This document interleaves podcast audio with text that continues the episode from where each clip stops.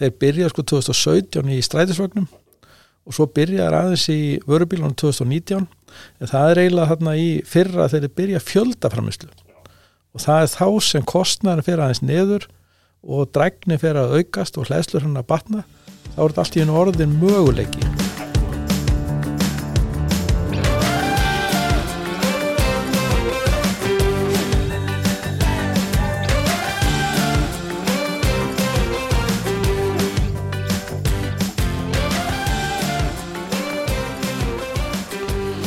Komið sæl og verið velkomin í hlaðvarpið Narfæðsustættus augnablikkið innæg. Ég heiti Sigur Sváður Indrason og gestur minn í dag er Egil Jóhansson, uh, fórstjóru Brynborgar. Við ætlum að ræða aðeins rafæðingu stærri bíla, hver staðan er í dag og velta því fyrir okkur hvernig framtíðin mun vera í þessum málum. Vertu velkomin Egil. Takk fyrir.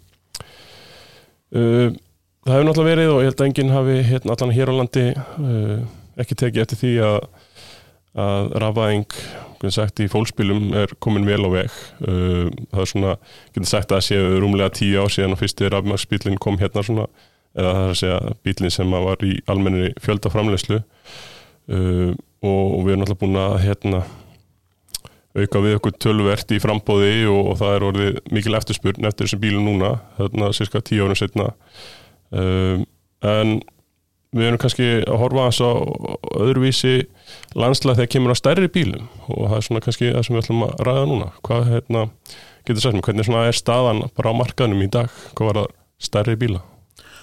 Byrju kannski aðeins á fórsjónu samt eins og í fólksbílónum mm -hmm. að, og mér finnst alltaf gaman að nefna það að við í Brimborg við fluttum inn annan rafbílinn sem kom til Íslands árið 1981 Akkurat og Daihatsu Charade mm -hmm. með 70 km dregni og tók 8 tíma hlaðan já, tveggja sæta allt aftursætið og skotti fór í batteri sko.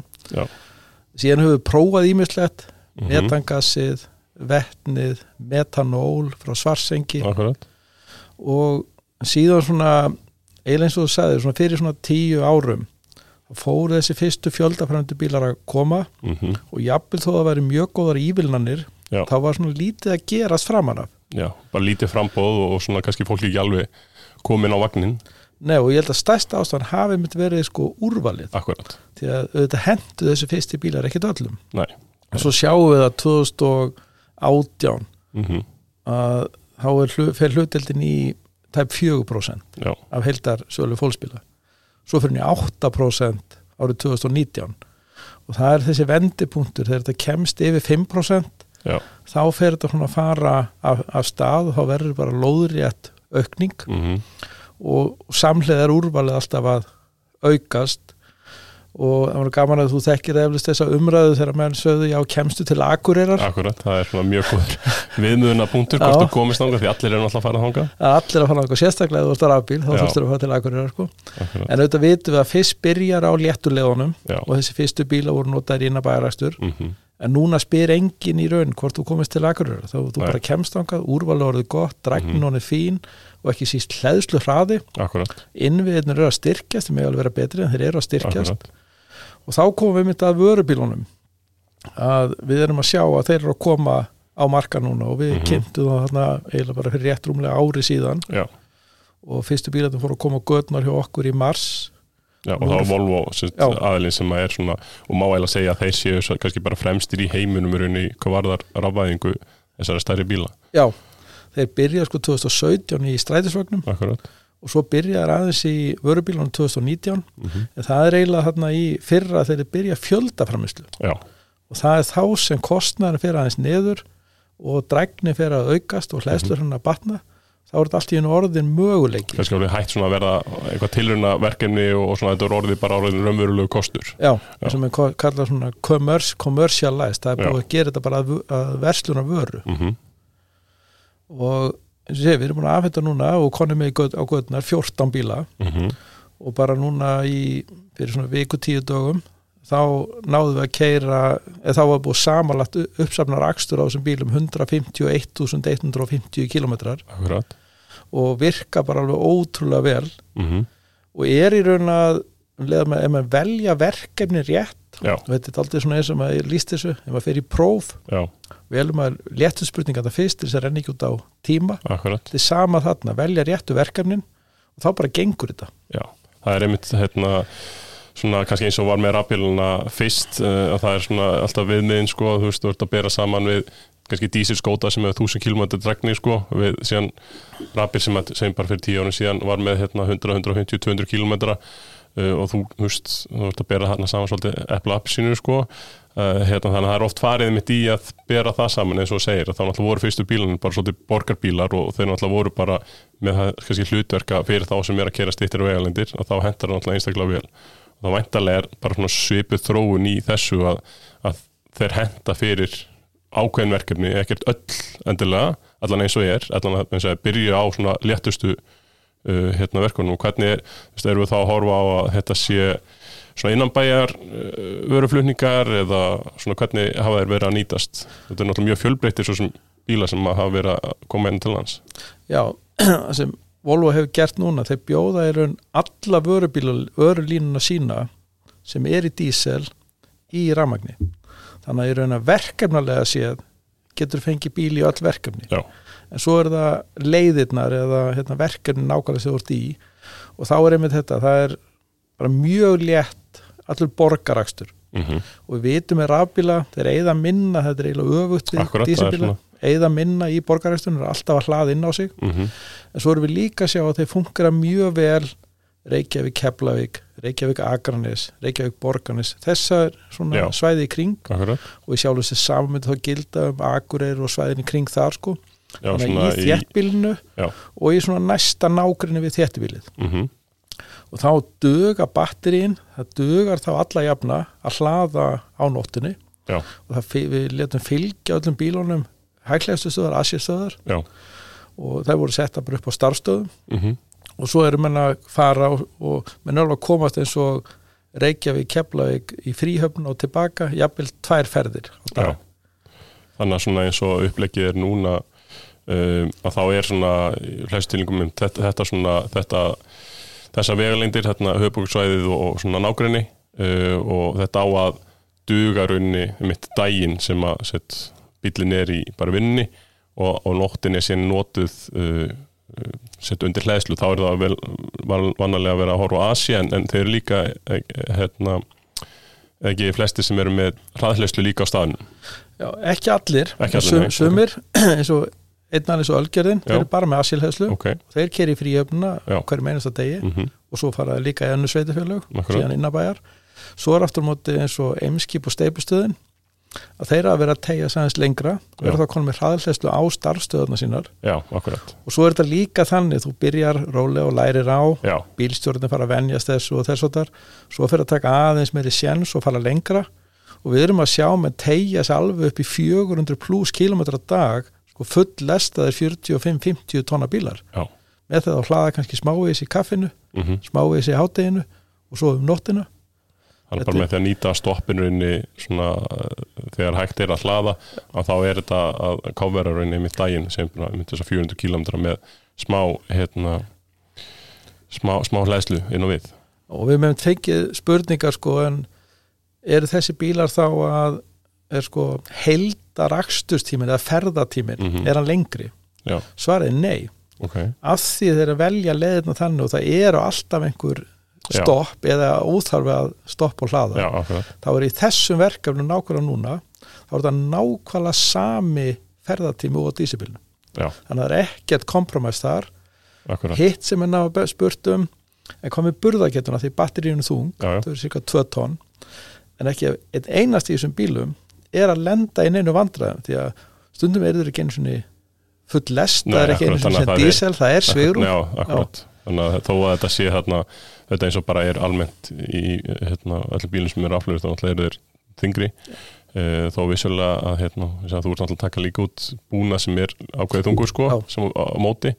En hérna en þá er það kannski mitt eins og svona kannski vildi hérna eins kom inn og var alltaf þessu tíma út, því að maður kannski ímynd, ímynd sér eins og bara fyrir fólk sem er á ferðarlega þetta svona oft horfir það á það eins og bara þetta hefraga að fara til Akureyra sko að hérna þú ert að stoppa og það eða þú veist, þú ert að eða svo miklum tíma í að hlaða en svona oft er það reyna þannig að þú ert að reyna að stoppa meira fyrir þig og svona persónlega að næra þig og fara á klostið og svona og þú veist að gera eitthvað annað og meðan bílinn er hlaða, þetta er kannski svipað í þessu maður svona ímynda sér að þetta sé að fara að hafa áhrif á hvað sem að hérna uh, sketsjólið fyrir dreifingar aðelina sko, en, en kannski er það eins og segir ekki að, að gera það í rauninni sko, akkurat með þessi verkefni Mhm. og þetta eru alltaf mörg verkefni, þetta eru kælibílar þetta eru krókæsisbílar, þetta eru gámaflutningabílar þetta eru kassabílar það er engi vandamál með þetta uh, og ég myndi giska á eftir svona tvö ár tvö, þrjú ár mm -hmm. þegar við förum að fara í næst erfiðustu verkefnin Já. þá gætu við mögulega þurft að fara að pæli í svona hlutum en á sama tíma mun dragnin aukast á batteríunum Já. og hleðslur hafði mun líka aukast á næstu 2-3 árum. Mhm. Þannig, að- og þá tegjum við okkur í næsta áfanga og svo er það þriði áfangin þegar við tökum restina sem getur kannski verið 5 til 10 ár í það. Já, og það er þannig sem við leysum í raun raðvæðingu þungalutninga gerist ekki allt á morgun. Nei, að þegar við höfum alveg fengið alveg svo akkurir spurningun í fólksbílunum. Já, já, þá er það Ísafjörður Reykjavíkur í vörubílunum já, akkurat og menn spyrja, já en kemst hann Ísafjörður Reykjavík yfir heiðarnar? Já, Nei, ekki dag og að vetralegi og, Og vetrarlagi. og alltaf, Nei, ekki dag, Nei. en það erum við ekki að reyna það nei, sinni. nei, en eftir tíu ár, þá verður það þannig Já. akkurat það er einmitt held ég að að mikilvæga sko að hérna gera sér grein fyrir að þetta er ekki að fara eins og að þetta er mjög ungt menn það eru bara, það er ekki margir framlegundir sem eru komnir í Aplant og Volvo það eru eins og Mercedes, þeir eru líka náttúrulega uh, að skoða þetta og, og fleiri þannig að það er náttúrulega bara við getum sagt að þeir séu úti, þetta eru líka þetta er svona svipa kannski sem er skip og svona þetta eru tæki sem að lifa lengur, hafi meiri líftíma og það tekur lengri tíma að fasa veist, þessi tækni það út og, og fá nýja hluti inn. Þannig að þetta er hérna, mjög svipað nefnum bara kannski aðeins setna svona, svona aðeins delay í rauninni miða við fólkspilin Já, og ef maður skoðar, eins og ég nefndi á það með skráningatölunar, Mhm. nýskráningar rafbíla í fólksbílum byrjaði aðeins þarna 2010, 11, 12 svo tekur þetta á skrið þarna 2018, 19 mm -hmm. léttu sendibílarnir svona einstonna, tryggju hálstonna Já. það er tíma töf bara þeir voru að byrja svona 2018, 19 akkurat. Voru að taka skrið 2021, 2022 Já. vörubílarnir núna byrja 2023 svo munið taka Já. enn meira skrið. Þetta er alveg nákvæmlega sama þróun bara hliðrið í tíma. Akkurat, og Evrópusamandi er búin að setja núna hvaðir að fyrir árið 2040 þá eiga allar nýskráningar þingri bíla, bæði Mhm. rúta, strætisvagna og vörubíla að vera hreinorkubílar þannig að þetta verður ekki setna en 2040 Nei. en á Íslandi verður þetta örgla fyrr bara af því að hákarnin að keira já, við erum bara draumalandið akkurat að fara út í þetta sko. Já og ég held að sé mitt sé, líka kannski vegulengdir og annað sem að þú veist, við kannski ekki alveg að horfa á sumu vegulengdir eins og í, í Evrópu þegar við erum að tala um þungaflutningar sko. Um, en, en við erum náttúrulega með aðstæður sem eru líka krefandi þannig að það er ímislega sko. En við erum náttúrulega búum við hérna þannig að það er að segja það á að vera til nóra magn, það er bara spurningum að kannski að virka það. Um, en svo er líka, þú talar um að nú er ég komið með þarna um 150.000 kílometra svona í hérna í keislu á þessum bílum uh, hver er raun, þá ávinningurinn raunni, alltaf kannski þú hafi komið svona smá reynsla þú veist, hva, hver er ávinningurinn hérna, að skipta yfir í rafmagn þegar kemur að stærri bílum að þetta er mjög góð spurning en kannski rétt áður að því að þú nefndir hérna vegalengdinar Já.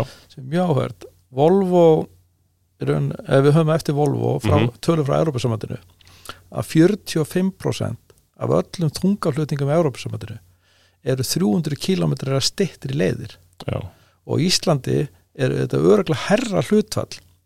Á móti er eins og segir að aðstæðunar hjá okkur Já. á, á, upp, á hérna, heiðum og þess að þar og veðrið geta alveg verið erfiðar.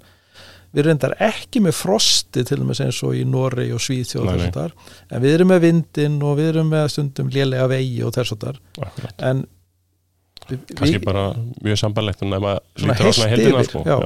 og, og líklega er hægt að rafvaða þungaflutninga svona 40-50 staðum strax í dag ef maður horfir á þessar innabæða keislur og, og milli svona þjættbíliskjarnana en, en ef við tökum að reynslu núna þessi 150 kilometrar að þegar við fengum tölurna frá Volvo já, áður en við ferum að fá bílana mm og reiknuðum við út hvað mátti búast við. uppgefnar tölur uppgefna já, já, tölur í þá eðslu, það er þá kílóvastundi per 100 kilometra Mhm. og síðan sambarlega þá dísileðslu já. Mhm. og þegar við vorum að rekna þetta út þá var maður að sjá tölu sem var bara ha, 70% minni orkukostnaður já, og ég sagði bara, neða, þetta getur ekki verið þannig að við þorðum nú ekki einu svona nefna þetta sko. það bara sett inn í skúfu aftur og, Já. og svona sjá til svo erum við núna búin að fá rauntölur já, 151.000 kilometrar mhm, á alls konar bílum mhm, í alls konar verkefnum, í alls konar leiðum 75,1% lægri orkukostnaður heldur en það hefði verið þá við að miða við í raun orkukaup á dísilolíu svo stórnotendur fengju já, lítraverðið akkurat, ánvirðisöka skatt og síðan orkukostnaði og þau myndu kaupa kilóvastundina á starfstöðinni hjá sér. Já. Og tökum allblú notkunna líka mhm, inn í þetta. Já, akkurat. Þetta er bara raunverulega tölur á bara hvað kostar að já, já. og keira og það er áhvert að sjá að eðslu tölurnar í kilóvastund per 100 mhm, er ótrúlega nála því sem uppgefið og það sem virðist ger, ég þessi í þessu, það er tvent sem ger, gerir þetta svona hagkvæm mhm, annars verður er hvað rafmótorun er opbóðslega nýtin mótor mhm, og hitt hvað orkuverð á Íslandi er lágt Já. samanlagt fáum við svona tölur menn trúa þess ekki nefnum bara að sjá þetta Nei, nei, sko. það, er- eins og segir, við erum náttúrulega búin svolítið í draumalandinu þegar kemur að þessu að hérna, búið þessi og þar er lendi náttúrulega, eins og segir, ávinningurinn það er náttúrulega bara rekstralega, þá mæntalega fyrir fyrirtækin uh, að þá er þetta miklu hafkamuna uh, en mæntalega er þetta líka um að horfa til og segir, loflagsbreytinga og, og þetta, þá mæntalega er líka mengun sem að, hérna, er þarna og, og mæntalega líka einhverju leiti sko, sem er bara uh, hérna, aðstæða bílstjóra raunni já, það má kannski segja svona neikvað mótið þessum orkusparnaði mm er síðan þá að bílarnir eru dýrari. Já. þannig að afskriftur og vextir eru herri mm en ok, en, en samt heilda jafnum þetta er aldrei spennandi. En síðan komum við að þessu með lofslæðið losun er engin. Já. þannig að við erum að spara þar og, og sem samfélag þá þurfum við annars vegar að annarkvort að kaupa lofslagsheimildir frá öðrum löndum ef við stöndum ekki okkar markmið sem við skrifaðum undir -hmm. og eða við getum selt frá okkur losunarheimildir ef við náum betri árangur heldur en skrifum undir Akkurat. og ég sá nú bara tölur í síðustu viku að Íslenska ríkið hefur fengið 14,7 miljardar í ríkisjóð undanferðin ár Akkurat. við sölu og losunarheimildum og þetta mun aukast ef við stöndum okkur í þessu en svo kemur annar ávinningur bara til dæmis hérna, loftmengun við höfum öll séð gula, gula mengun, mengunarskíði hérna í, í hérna, frostillum yfir Reykjavík. Þetta er náttúrulega hluti er NOx og sótmengun frá bílum, dísebílum Þetta er náttúrulega bílar sem eru mjög mikið í gangi Nákvæmlega. allan daginn. Já. og svo þetta með bílstjórana við finnum að þeir eru alveg ótrúlega ánæði með hvað eru hjólatir inn í hús Mm og engin titringur. Og svo náttúrulega engin lykt heldur. Þannig að Þetta er svona kannski að haldi önnur, þetta er bara svona svipa kannski eins og með, þetta er náttúrulega bara, náttúrulega rafbíl bara aðeins starri, þannig að þetta er svona akstus eiginleikar og, og sérstaklega náttúrulega út, þetta náttúrulega vanið að vera með stóra dísevil hérna oft undir sér sko og hérna, þannig að hérna, það væri áhugvægt kannski að gera eitthvað skonar svona notendakönnun eða, hérna fyrir bílstjórana, hvernig þeir eru að upplifa þetta, þessa breytingu. já, við, við erum heyrt eiginlega svona, svona meira um þetta heldur um að bjóst við. Já, þannig að þetta er auðvitað ef þú ert að vinna í einhverju ákveðnu umhverfi í 8 til 10 tíma á dag akkurat. þannig að eh, líður þér betur í kjölfæri sko. og það er náttúrulega bara almennt hefur náttúrulega fólk bara verið að gera stærri, eða, meiri kröfu til vinnu umhverfis þannig að þarna er náttúrulega bara einn hluti af því að, að hérna, bættu hérna, vinnu umhverfi það gerir á fyrir það sem er titringur og hljóð og allt svona þetta, þetta skiptir máli algjörlega og líka þá titringur í umhverfið Já. því að nú eru að aukast kröfur um að vera ekki að keira dísel og bensínbíla út í heimi inn í þéttbíliskjörnum Já. og það er ekkit ólíklegt að svo, það er reglur og lög ko- komi hingað þá er mögulega verið ekkit hægt að dreifa vöru Nei, nema á rafbílum þannig að það sé bara í rauninni gerð skilda sem bara eins og inn í miðbæja að þú veist að öll svo umferð sem er þar og hún verður að vera Já. bara einhver góðra eins og maður hefur svo sem séð annars stæðir í heimi þú veist, eins og með nagladekk og ímyndlega svona sko, og díseljabel líka um, þannig að það er ekkert ólíklegt að, hérna, að það kom inn. Eitt sem ég vil nefna það er alltaf þegar þú breytir um nýja tekni mm þá spyrja með sig en hvað með aflið? Eða nægt, Akkurat, þetta er nú bara ramagn og þá fara að menna hóksu sem er rikssöguna eða eitthvað sko.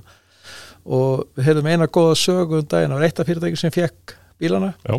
og það var einhver umræða með bílstjórunum um að afli væri minna heldur mm. Mhm. í dísibílunum þannig að þau f- fóru með dísibíl sem var að kera á sömuleið og síðan rammarspíl og báru saman. Ok, og rammarspílinn kom út betur. Og það, kenningi á þeim var eiginlega að það var hljóðið sem, sem gerði það verku þegar þú ert að fá snúningin upp á Já, dísivélinni sett. Bara upplifunin var svo að veist, þú heyrir ekki hljó, eh, akkurat, þetta er svona kannski mitt það sem margir bíla áhuga menn og alltaf bara fólk sem er að vinna í, í okkar geira hérna, það er kannski mesta sakni sko, að það er að hérna, heyri ekki hljóðu pústinu sko, þegar, sérstaklega þegar vera að hækka snúnisræðan hérna, já, það er kannski mitt áhugavert að hérna, bara svo upplifun og við vitum öll eins og í rammars fólksbílunum hvað, hvað til með þess að tógið já, í rammótonum, það kemur alltaf inn bara á sekundi broti það Já. við flestir eru vön og hérna, heilt fólk við mitt bara hvart um að þessi ofaft mikið sko, og, og Nákvæmlega. hérna, þetta er svona orðið hérna, bara þannig að venlega fjölskyldubíl að hann er orðin hérna, líku ósportbíl sko, þetta með að ef við förum kannski 5-10 ára aftur í tíman sko, þá er þetta orðið sambærilegt en þú komst aðeins inn á hérna áðan hérna varandi svona þróun og framtíðina og hérna svona, þú veist, þannig að veist, hvað þarf eiginlega til til þess að mynda að rafaða þungaflöninga bara overall uh, og er það þá bara þú veist þetta, þetta er bara tíminn sem að verðinni um, og þá meira þú veist að við erum að tala um kannski hérna þá tækin og batterín og mótorun og það verður alltaf betur og betri uh, en hvað með eins og innviði veist, hvað hérna hvað þurfið til til þess að bara einmitt eins og tala um bara að verða svona fyrir 2040 eða fyrr að verða algjörlega á rafmagni? Þeimins, ef við tökum bara þessa, þessa langa öll þessi innabæða dreifing mm -hmm. það er þetta að fara með hann á rafmagn allt á morgun og innviðirnir eru basically það er asjastöð á starfstu fyrirtækis Já. og halda það í gangi. Mögulega ort með marga bíla og þetta aðeins að tegja þig. Og setur upp hlæðslustöð þar og það er hlæðslustöð, DSU-stöð og aðeins stærri eins og dráttabílar og þess að þar aðeins tegja sér lengra þá er, það- þá er líklega að setja upp hlæðslustöð líka hlaða í Asi á nóttunni og DC yfir daginn svona í, í kaffi og Já, matatíma þegar komið tilbaka inn á starfstöð Já. og þetta er að gera bara mjög hratt fyrir Mhm. mm ótrúlega hátt hlutfall af flutningum. En þegar við ætlum að fara í svona fasa 2 og 3 þá er þetta alltaf tíminn og þá er það tvent það er batteríin. Þá það sem við kallar þessi rýmt að Já. geta verið með meira af kílóvastundum eða orku per kíló. Já. og þá getur við annarkvort létt batteríin en verið með sömu orku úr með dag eða verið með kannski tvöfalt meiri orku Akkurat, í sömu þing akkurat. þetta er nummer eitt, nummer tvö er sá, þá hleðslu hraðin Mm þannig að eins og, eins og stóru volvörubílarnir við getum hlaðið þá 200 kíló, 250 kilowattum Já, sem er ágætt það hraði. Er nokkuð gott en í framtíðinu er ekkert ólíklegt að færir í 300-400 kilowatt og jafnvel í megavatt af hlæðslu og þá ertu kannski að skjóta inn á bílana 200 kilometrum bara á kortir í 20 myndum þannig að þetta mun breytast mm og rýmdi mun breytast og svo er það þéttni hlæðslustöðvana þannig að þetta þrennt þarf að vinna saman mm til þess að ná þessum fasa 2 og 3 akkurat. En þetta mun gerast og bara dæmi, ég eru að fylgjast mjög vel með Ísraelsku fyrirtæki sem er að þróa tækni sem er kallað Extreme Fast Charging.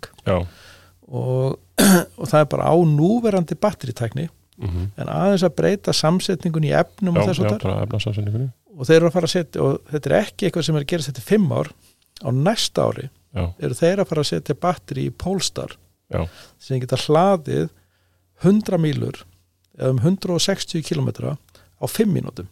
Já. og þá séu það þú ert með batteri sem er kannski með 400-500 km dregni mm og getur síðan bætt 150 km við á 5 mínútum. Er eða 300 km á 10 mínútum. Þú ert allir komið raun með 700-800 km dregni sko yfir daginn. Já. og þetta er það sem er að hellast yfir núna.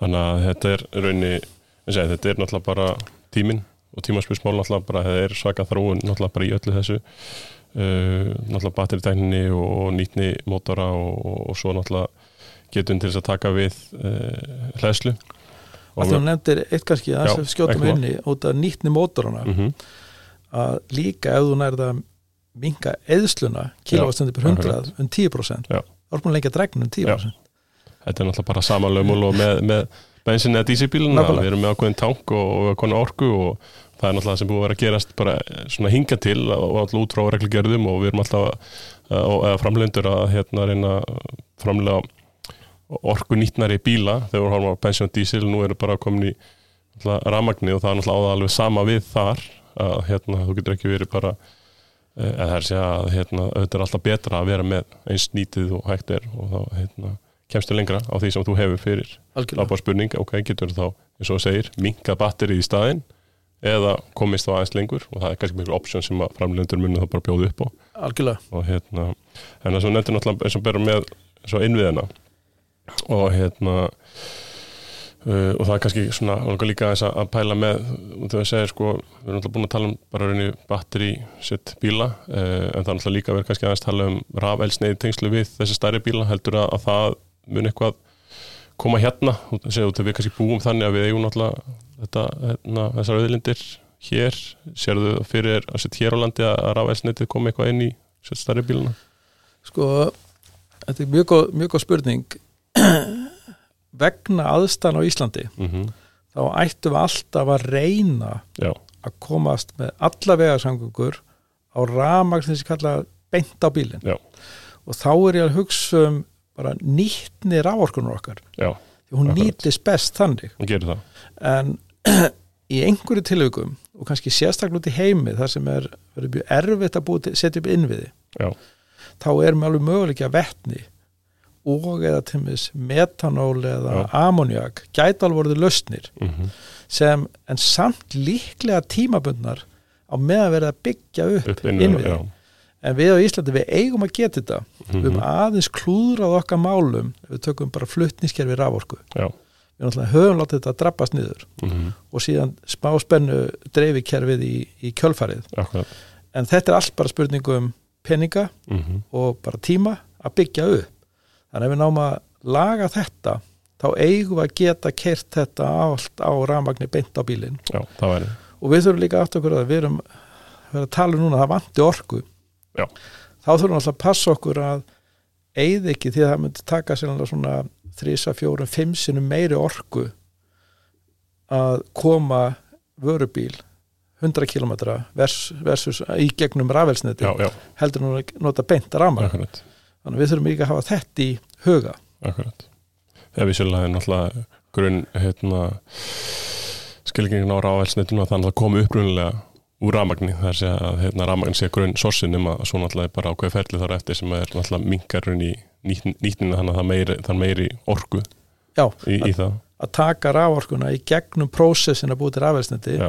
töpu svo miklu á leiðinni versus Akkurat. bara að setja það bentir á batterið uh, og kannski mitt þá bara í, í hérna, tengslu við þetta bara raunni innviðina og orku hlæðslu og, og hérna, þá náttúrulega eru þið uh, núna tiltölulega nýbúin að opna hérna, stóra hlæðslustöð uh, hérna, í Rækinarsbæ okkar kannski aðeins að hérna, svona, veltaði fyrir mér og kannski spyrja þið bara svona, hver var grunn hugsun og baku það að þið væri að fara í raunni hérna, í hlæðslu businessin uh, og maður kannski horfir svona fyrst náttúrulega bara til Tesla sem er náttúrulega mjög svipa sem að þeir gerðu sko hérna fyrir tíu árum eða rúmlega síðan að þegar þeir voru komið sína fyrstu bíla þá fóruð þeir líka að byggja upp sitt Supercharger network.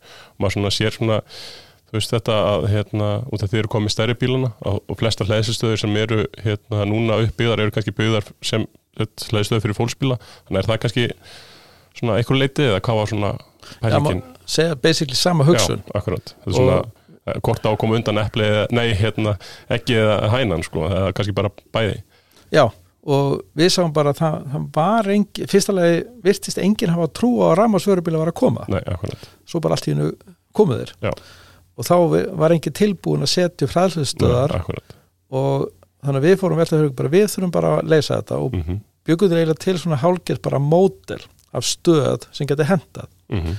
og það góða við hlæðslu rafmars vörubíla þetta er sami staðal, þessi. CCS hræðslustaðal eins og í sendibílum og fólksbílum og verðum í rútum og strætum. Mm -hmm. en þá er bara eini munur en aðgengið Já.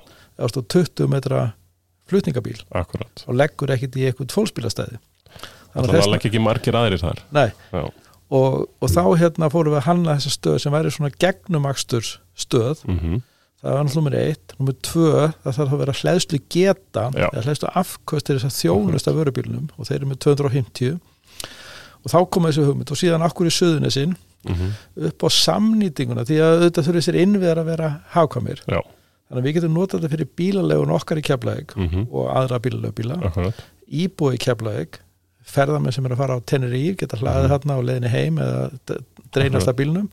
Vörubíla, rútur, sendibíla þannig okkur fannst þetta svona daldið svona heppilegu staður til þess að byrja með svona mótel og nú getum við kópið þetta mótel því við erum búin að núna rekana í einhverja þrjárveikur Já, og þetta bara alveg svínverkar mhm, og við sáum þess bara eins og með kúnandi sem er að keira núna.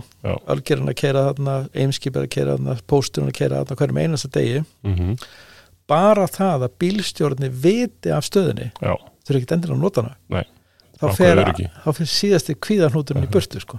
Að ég skil alveg, þú Akkurat. vilt ekkit vera ramaslaus á stórum þúkaflutningabíl en það þó þú hafi komist segjum að komi allt í unni snjóstormur erfiðu dagur og þú svona ah, það er árið ansi lítið á honum. Mhm, droppar við þarna í tíu myndur fær 50 km inn akkurat. og þú kemst léttilega í bæinn.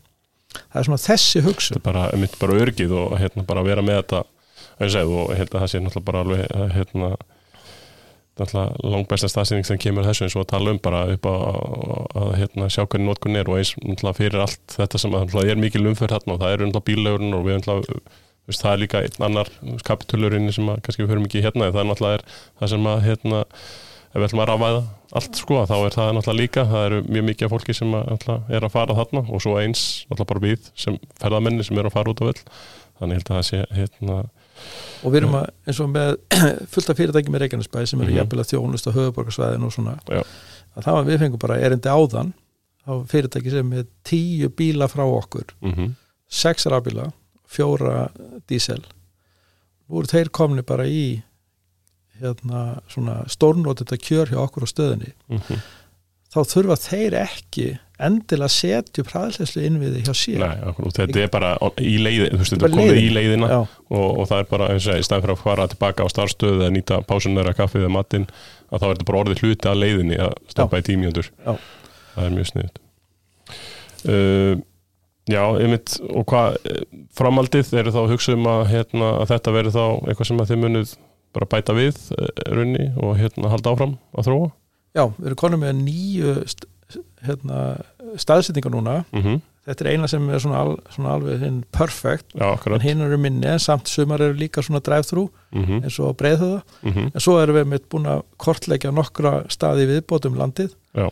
og áallum að halda áfram í því. Svona að reyna að bara halda áfram með sama konseptið, þú veist, raunin og styðja við eins og þetta bara vantarlega allt sem að hérna, eins og með vöruglýningum vantarlega velja, velja staði sem að eru og það er náttúrulega svo, kannski tala um innviði fyrir hérna, fyr- fyrir þungaflutninga að vantarlega það eru svona ákveðni staði sem eru ákjössanlegastir hvað varðar uh, þungaflutninga. Já til dæmis eitt, ein leiðin sem við ætluðum að reyna með þessum bílum sem eru komnir mm -hmm. var grunda fyrir Reykjavík öllu jafna hefði átt að ganga upp. Mm og það var ákveðni innviðir í borgarnesi sem við ætlum að nota.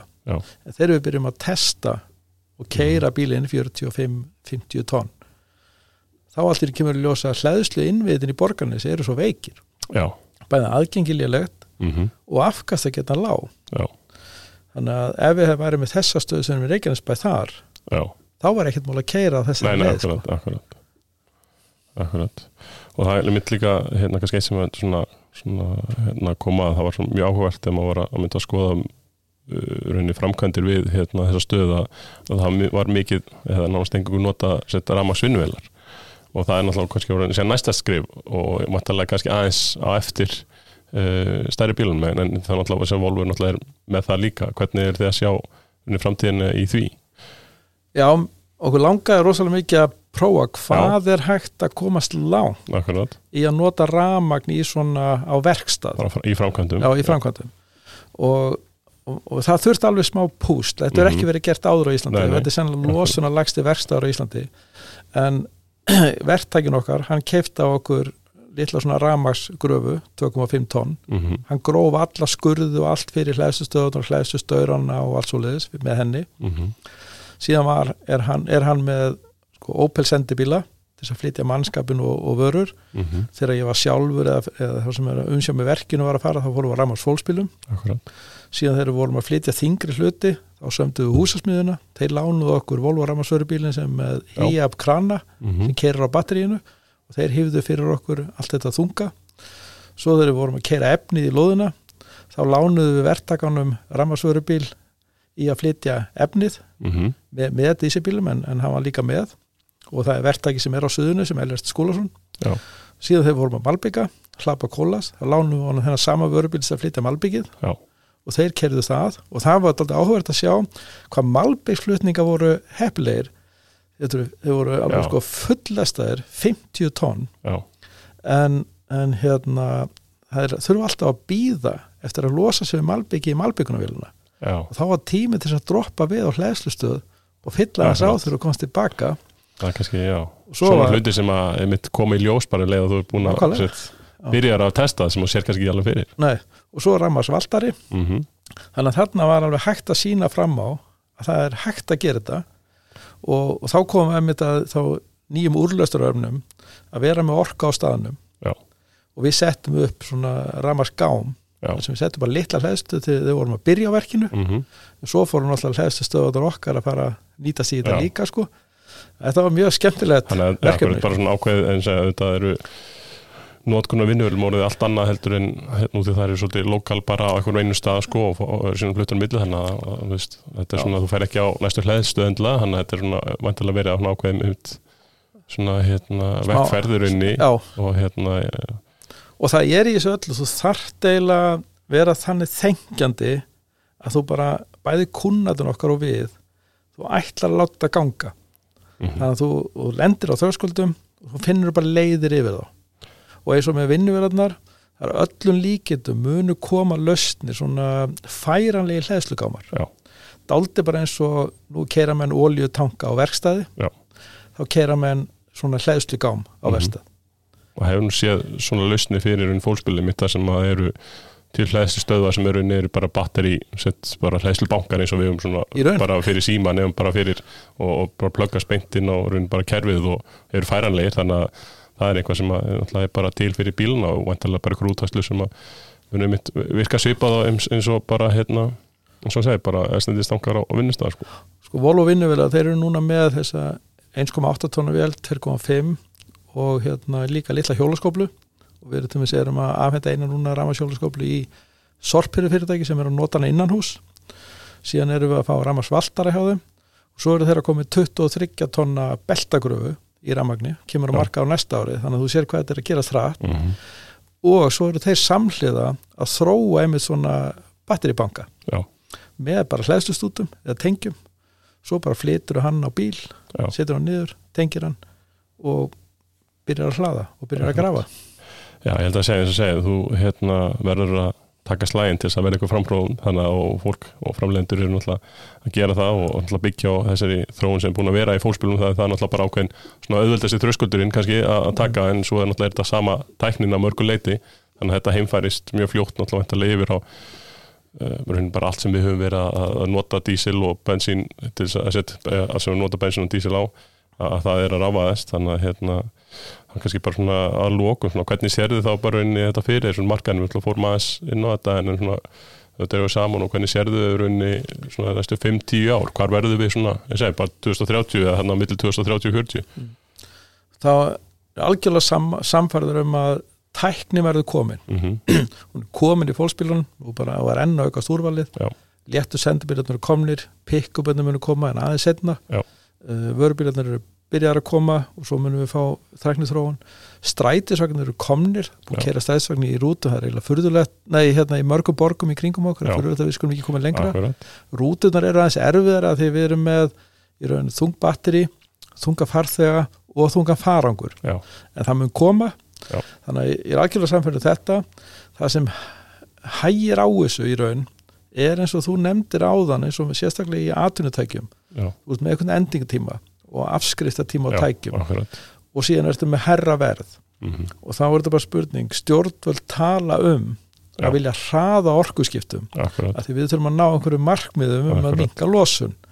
En þá, get, þá þurfa þau að styðja við orkuskiptin. Já, en þau eru akkurat núna að vinna gegn þeim já. sem er nú alltaf merkilegt því að er þau settu sjálf þessi markmið sko.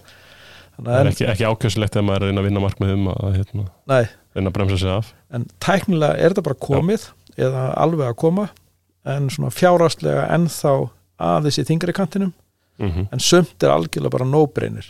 Já, þannig að það er kannski til þess að þetta sé alveg bara hérna, eins og við viljum sjá þetta fyrir að þá hérna er þetta bara kannski smá einsbytting og hérna bara hérna smá pús sem við þurfum kannski í þetta alveg eins og er búið að vera. Og við fengum náttúrulega bara fyrir fólkspilina hérna uh, smá sett, hjálp raunni, að koma því að stað sem að þarf náttúrulega bara eins og normin hafi líka gert raunni, þetta bara þarf til þess að því að þetta er náttúrulega dýrt uh, og þarf að vera ákveðin ávinningur sem að náttúrulega en end náttúrulega eins og talar um hérna fyrir raunni bara hvað fyrirtæki geta raunni grætt á því uh, og bara vinnum körfu og samfélagi allt raunni þannig að hérna það er bara, bara vonum að, að eitthvað sé að hlusta og hérna takja skarið og hérna reyna að hérna, íta við ykkur þannig að mér langar bara að þakka að kella fyrir hérna, spjallið og hérna, bara vonum að þetta fari á besta veg. Frá Bara, takk fyrir kjærlega